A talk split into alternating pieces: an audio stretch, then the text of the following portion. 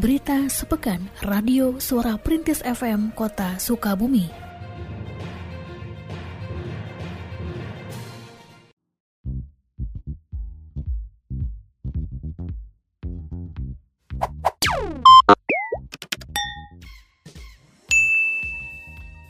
Kawasan Jalan Ahmad Yani yang tengah ditata kini bersih dari para pedagang kaki lima PKL. Memastikan tidak ada lagi PKL yang berjualan di lokasi tersebut, aparat gabungan yang terdiri dari di antaranya pemerintah kota Sukabumi, TNI, Polri, Kejaksaan melakukan pemantauan yang diawali dengan apel gabungan penertiban PKL di halaman City Mall pada hari Senin 20 Desember 2021. Wali Kota Sukabumi, Ahmad Fahmi, beserta Dandim 0607 Letkol Infanteri Denny Arianto juga turut memantau jalannya penertiban di sepanjang Jalan Ahmad Yani. Dalam keterangannya, Wali Kota menyampaikan bahwa penertiban berjalan kondusif dan pihaknya tetap akan mengedepankan langkah-langkah yang humanis. Adapun terkait relokasi PKL, Wali Kota menyampaikan pemerintah Kota Sukabumi secara resmi mempersiapkan tiga lokasi pasar, antara lain Pasar Degung dan Glodok atau Dewi Sartika. Ia mengharapkan para PKL bisa beradaptasi berjualan di lokasi baru. Dari hasil pantauan selama penertiban berlangsung, kebanyakan PKL sebelumnya telah pindah, sehingga proses penertiban berjalan dengan baik dan lancar. Selain itu, wali kota pun sempat meninjau lokasi parkir di City Mall yang dipersiapkan untuk lokasi parkir kendaraan roda 2. Para PKL sendiri mereka yang sudah mencari tempat beradaptasi dengan kondisi sekarang, ada lagi yang masih mencari-cari tempat. Secara resmi pemerintah daerah memberikan alternatif di pasar eh, Degung, di pasar Lembur Situ kita persilahkan dan juga di pasar Glodok. Tidak boleh di sepanjang kawasan Ahmad Yani yang pedestriannya trotoarnya sedang ditata. Ini ini kan dalam rangka kita melaksanakan penertiban ya. Kawasan yang sekian puluh tahun semrawut kita sekarang coba agar tertata dengan baik sehingga semakin menjadi daya ungkit perekonomian di wilayah ini. Alhamdulillah hari ini kondisinya lancar, aman, kondusif mudah-mudahan ini juga tetap kondusif. Dukungan dari TNI, dukungan dari Polri luar biasa hari ini beserta para relawan yang lainnya. Proses penataan kawasan Jalan Ahmad Yani telah mencapai 95% dari target. Hal tersebut disampaikan oleh Kepala Dinas Pekerjaan Umum dan Tata Ruang DPUTR Asep Irawan dalam penertiban PKL di kawasan tersebut pada hari Senin 20 Desember 2021. Kepala DPUTR menjelaskan beberapa pekerjaan yang belum diselesaikan di antaranya penataan ulang kabel listrik oleh PLN karena tiang listrik di sepanjang Jalan Ahmad Yani akan dicabut dan selanjutnya kabel akan ditempatkan pada tray yang telah disediakan. Dijelaskan pula bahwa sesuai dengan kontrak, penataan kawasan Ahmad Yani harus sudah selesai pada tanggal 22 Desember – namun pihak pengembang meminta tambahan waktu hingga akhir bulan. Kepala DPUTR menjelaskan bahwa perpanjangan waktu hingga akhir bulan Desember sesuai dengan aturan dalam kontrak, serta perpanjangan waktu dikenakan denda sesuai dengan apa yang telah tercantum dalam kontrak. Uh, ini udah sekitar 95 persen. Kontrak itu sampai tanggal 22, tapi mereka sesuai dengan aturan kontrak masih punya hak untuk menyelesaikan sampai akhir bulan ini dengan catatan setelah tanggal 22 ada denda satu per mil dari nilai proyek per hari keterlambatan. Satu kerjaan apa? Sisa itu tinggal sisa-sisa pekerjaan aja. Ada, nah ini yang ini kan ada tiang listrik nih. Kalau tiang listrik itu kan yang membedakan PLN. Sudah kita sudah koordinasi segala macam. PLN mungkin dalam sehari dua hari ini nanti membedakan. Nanti tiang-tiang lama dicabut. Nah, nanti kita rapikan lagi. Paling itu aja sisanya itu. Jadi setelah yang dicabut, kita rapikan lagi sisanya. Ya, itu. Tinggal finishing gitu. Tinggal finishing gitu. Insya Allah lah selesai. Pak, kan ada jalur apa tunanetra, ya. ada yang menghalangi tiang listrik itu seperti apa, Pak? Makanya kan mau dicabut nanti tiangnya. Sekarang itu ya memang masih mentok tiang. Tapi nanti tiangnya hilang dicabut. Ya, setelah kabelnya dipindahkan nanti. Pemerintah Kota Sukabumi melalui Dinas Pendidikan dan Kebudayaan, Dinas P dan K menyerahkan bantuan operasional sekolah BOS senilai lebih dari 2,6 miliar untuk 27.046 siswa dari jenjang pendidikan SD hingga SMA sederajat. Bantuan tersebut diserahkan dalam kegiatan anugerah pendidikan, peserta didik, lembaga pendidikan dan mitra pendidikan pada hari Selasa 21 Desember 2021 di kantor Dinas PDNK. Diserahkan pula insentif untuk 121 orang guru PAUD dan TK dengan total insentif sebesar 145 juta 200 ribu rupiah, kemudian insentif dengan nilai mencapai 559 juta 200 ribu rupiah disalurkan bagi 466 orang guru PAUD KB. Sedangkan insentif dengan total nilai 195 juta 600 ribu rupiah diserahkan kepada 163 orang guru satuan PAUD sejenis, serta diserahkan pula kartu cerdas bagi 2.463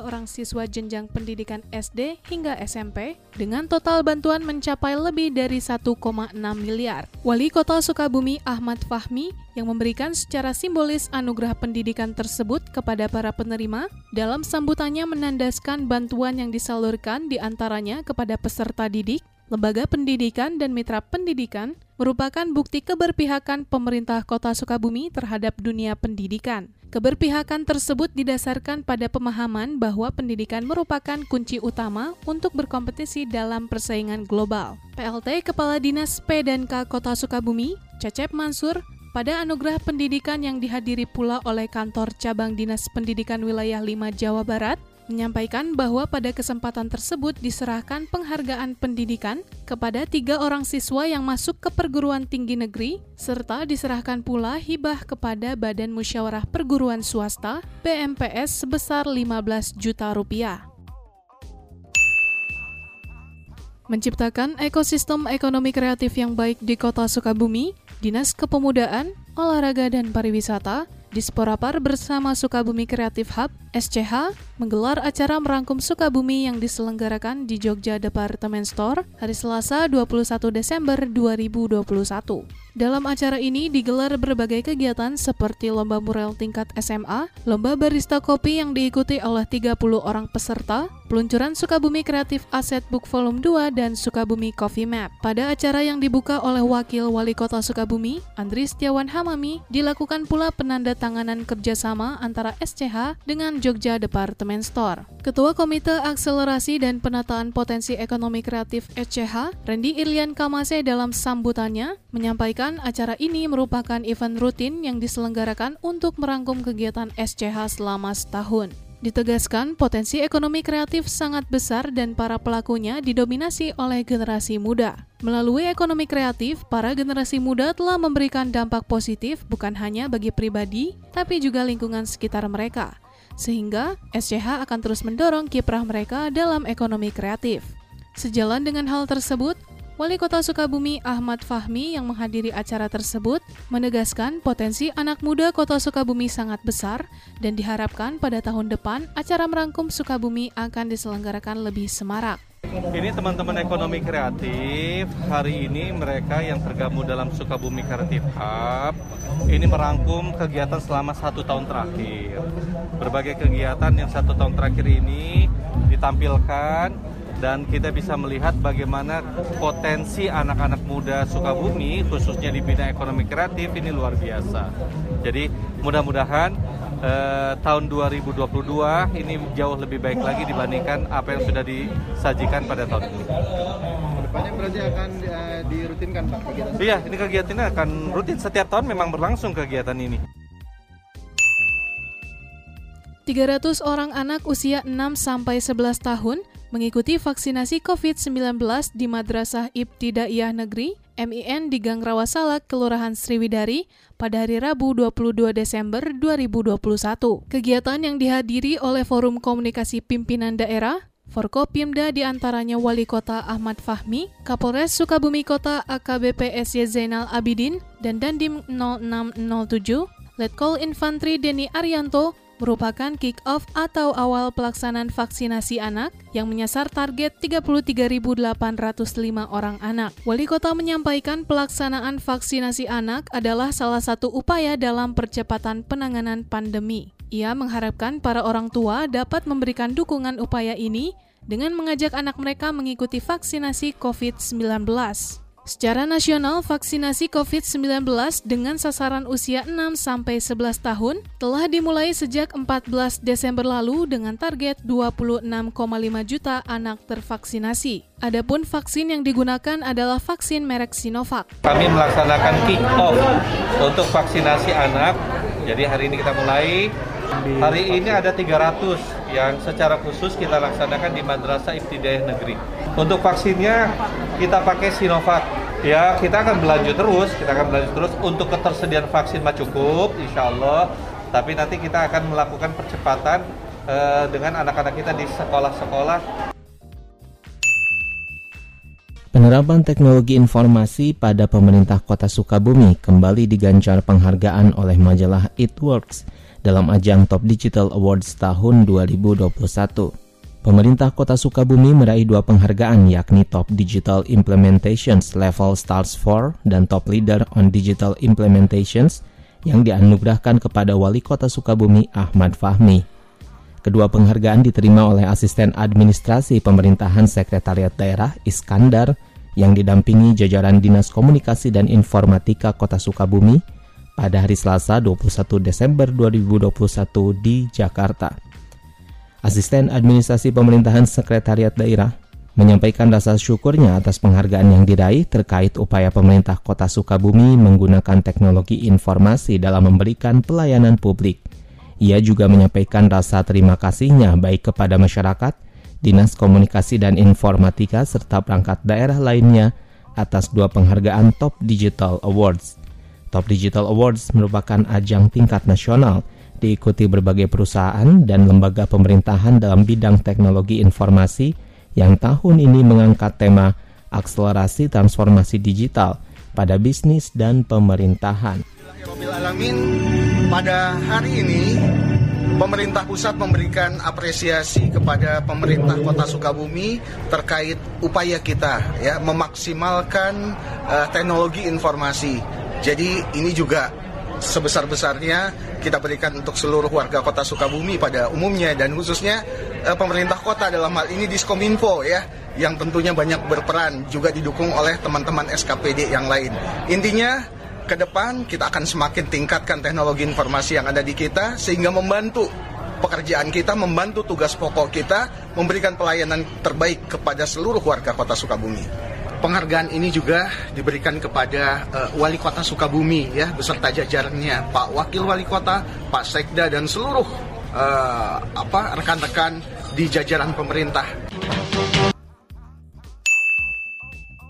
Mall pelayanan publik MPP pemerintah Kota Sukabumi mulai beroperasi setelah dilakukan pembukaan praresmi atau soft launching oleh Wali Kota Sukabumi Ahmad Fahmi pada hari Kamis 23 Desember 2021 di lantai 3 Tiara Toserba. Dalam pembukaan praresmi yang dihadiri di antaranya oleh Wakil Wali Kota Andri Setiawan Hamami dan Ketua DPRD Kota Sukabumi Kamal Suherman, Wali kota menyampaikan bahwa Mall Pelayanan Publik dihadirkan sebagai jawaban atas keinginan masyarakat terhadap pelayanan publik yang mudah, murah, dan cepat. Ia mensyukuri Mall Pelayanan Publik akhirnya dapat berdiri setelah sekian lama direncanakan oleh pemerintah kota Sukabumi. Pada kesempatan tersebut, Wali kota juga mengingatkan kepada para pengelola Mall Pelayanan Publik agar menerapkan beberapa prinsip dalam pengelolaannya, yakni keterpaduan, berdaya guna, koordinasi, akseptabilitas, dan kenyamanan, sehingga keberadaan mal pelayanan publik dapat dirasakan manfaatnya oleh masyarakat. Sementara, Kepala Dinas Penanaman Modal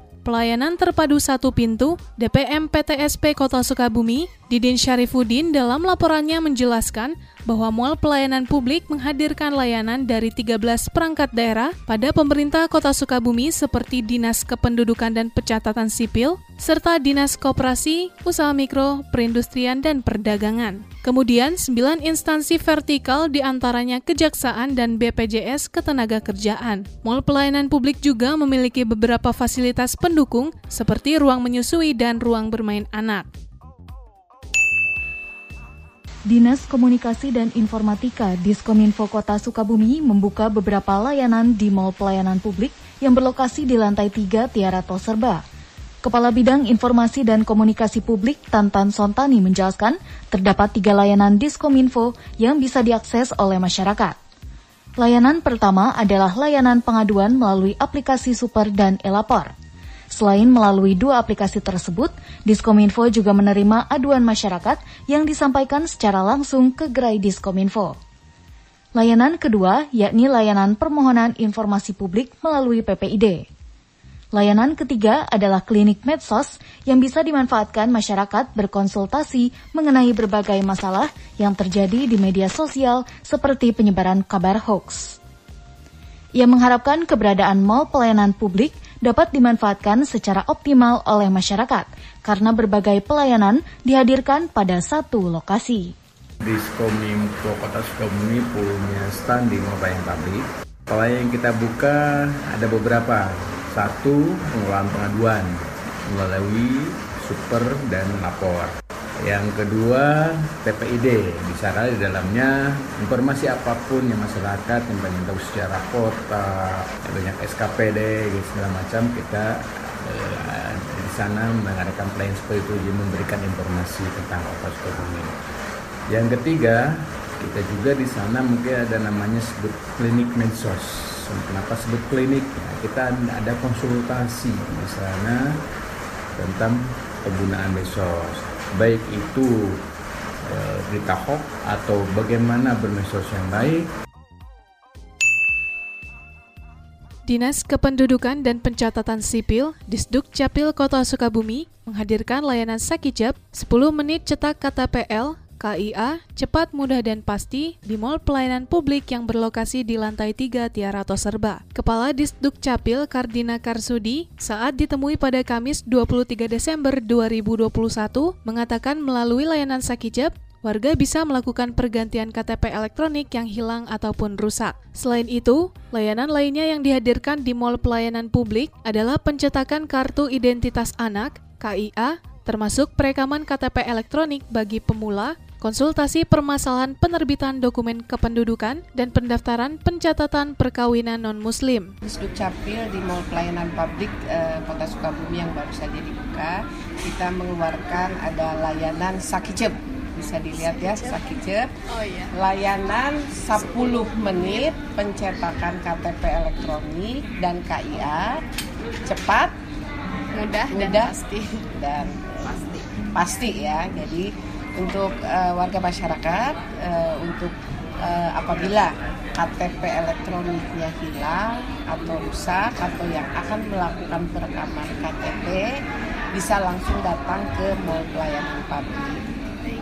Kita jadi lebih cepat melayani kepada masyarakat uh, karena ini kan harapannya bisa uh, terkoordinasi bisa kita langsung apabila ada persyaratan-persyaratan yang harus dilengkapi untuk pembuatan dokumen kependudukan bisa diselesaikan di uh, pelayanan lainnya.